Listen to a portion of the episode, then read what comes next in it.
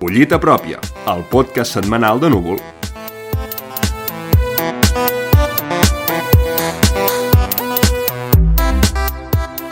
Hola a tothom i benvinguts una setmana més a Collita Pròpia, el podcast setmanal de Núvol, on resumirem en no més de 10 minuts aquelles entrevistes, articles o reportatges destacats del digital de cultura.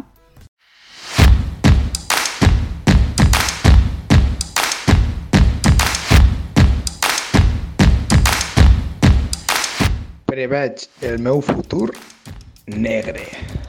molt llunyà. Precari. Molt incert. Inestable.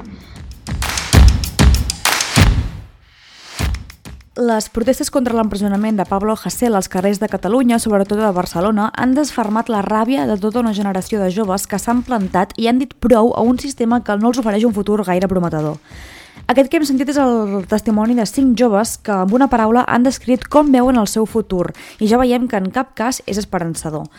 Les protestes i aldarulls van molt més enllà de la detenció del raper de Lleida i els joves s'apleguen cada nit per reclamar unes condicions socials, econòmiques i laborals molt millors. Clàudia Rius ha plasmat en un assaig titulat Els últims idealistes la realitat de molts joves d'avui en dia. Uns joves que, tal com explica ella l'article, han de viure en una societat obsoleta. Uns joves que caminen sabent que al final del camí hi ha un abisme. Joves que se senten superiors als adults perquè ja no veuen en ells una esperança ni una salvació. Clàudia Rius classifica a l'article tres tipus de joves diferents, els conservadors, els passotes i els que es mobilitzen per reclamar un futur millor, i ella els anomena els desvetllats. Si voleu saber a quin grup pertanyeu, llegiu Els últims idealistes, un article molt revelador que ajuda a entendre d'on ve aquesta ràbia que molts criminalitzen quan veuen contenidors encesos pel carrer. A vegades cal fer un exercici de pensar què ha portat a tota una generació a mobilitzar-se així, i Clàudia Rius ho reflecteix molt bé en aquesta peça.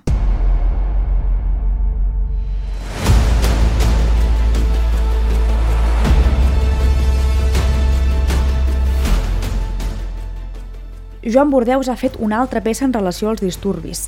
L'article, titulat Quatre maneres de mirar els focs de l'Eixample, és una mena d'horòscop de la revolució. Bordeus descriu quatre tipus de reacció davant dels focs i ho fa parlant de tu a tu, per veure en quin exemple el lector s'identifica millor. Hi ha els que creuen que els disturbis no són suficients per canviar les coses, altres que ho veuen com una degradació de l'ordre i la cohesió social i tampoc les consideren suficients perquè creuen que és una mala gestió de l'energia humana. També tenim els que pensen que les protestes són l'epicentre de l'autoorganització social i l'apoderament col·lectiu. L'últim grup està format pels que el mateix Bordeu descriu amb la següent frase Poble armat, poble respectat. Més enllà del toc satíric que té l'article, és interessant llegir-lo per donar una dimensió més àmplia a aquests focs i apartar-los de l'única opció que sembla correcta, que és la de l'escàndol i el delicte. Consulteu quatre maneres de mirar els focs de l'Eixample de Joan Bordeus i vegeu quina opció us convenç més.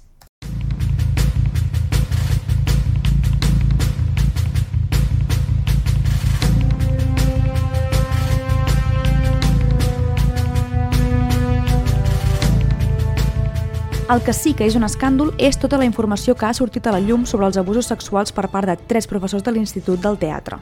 Joan Oller, que és un dels professors de més prestigi com a director escènic de l'Institut, és també de qui han sortit més casos i en diferent grau també se n'ha parlat de casos que incriminarien a Jorge Vera i Berti Tobias. Molta gent ha trencat el seu silenci en l'informe publicat al diari Ara i documentat per Núria Juanico i Albert Llimós, i Núvol ha publicat quatre articles que parlen sobre aquests fets. El primer es diu La revolta de les nimfes i és de Júlia Barceló. Comença així. Les nimfes, en la mitologia clàssica, acostumen a ser criatures del bosc que es passen el dia fugint dels pervertits amb poder o com se'ls ha conegut, déus. Al llarg de tot l'article parla de les noies que han caigut sota l'abús de poder de Joan Uller i les anomena nimfes. També parla de la seva experiència pròpia a l'institut, una mescla entre la fantasia de la mitologia grega i el paral·lelisme que se'n pot fer a través de casos de la vida real. El segon article és d'Oriol Puig Tauler i es diu Ja sabem com és el Joan, un títol molt suggeridor perquè moltes vegades les persones justifiquem els actes dels altres sota aquest pretext, que no deixa de ser cruel i covard alhora. Oriol Puig Tauler revisa les declaracions que determinades persones han fet sobre el cas de Joan Uller, una advocada penalista, una psicòloga, una escriptora i la mateixa directora de l'Institut del Teatre, Magda Puyo. Tot dones. A continuació l'article d'Eva Saumell, que es diu La noia que no tenia un polvo de 10. És molt potent perquè ens explica una situació personal que va viure fa més de 20 anys amb Joan Uller. Ella mateixa ens explica el context d'aquesta peça i el per què li va costar tant trencar el silenci.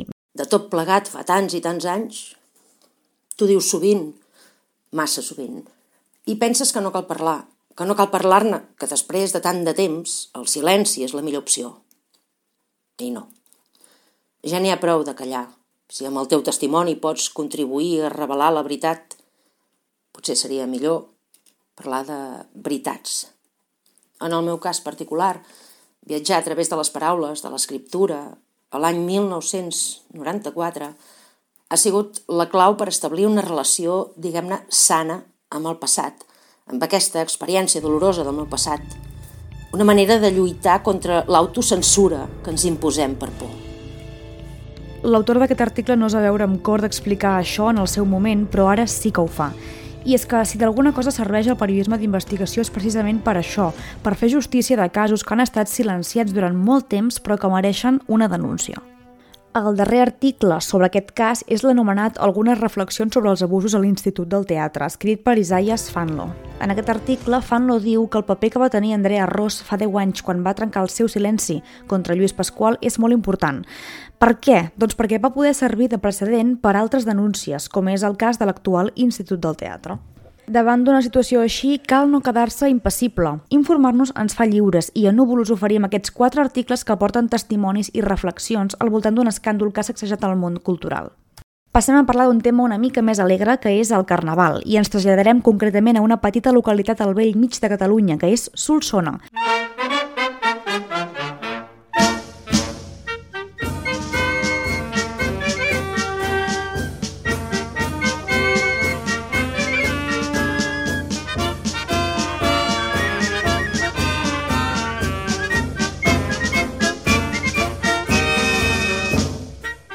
És que per Solsona el Carnaval és la festa més important de l'any, una festa que destaca pel seu caràcter únic i especial allà.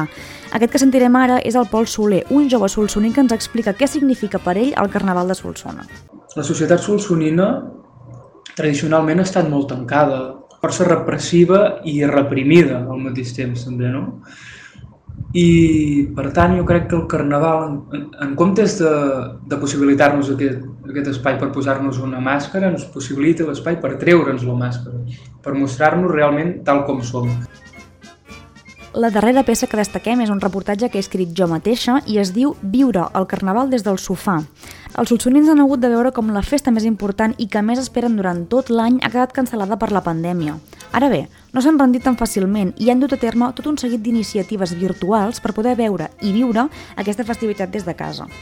El reportatge recullen alguns dels vídeos que s'han penjat i que valen la pena de veure per entendre una mica més la devoció d'aquesta població per a una festa que, a priori, tots coneixem i celebrem cada any.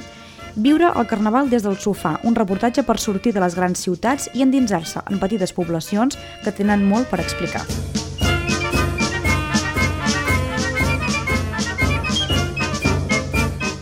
I amb aquest himne del Carnaval de Solsona que es diu El Bufi ens acomiadem. Ens veiem altra vegada divendres que ve.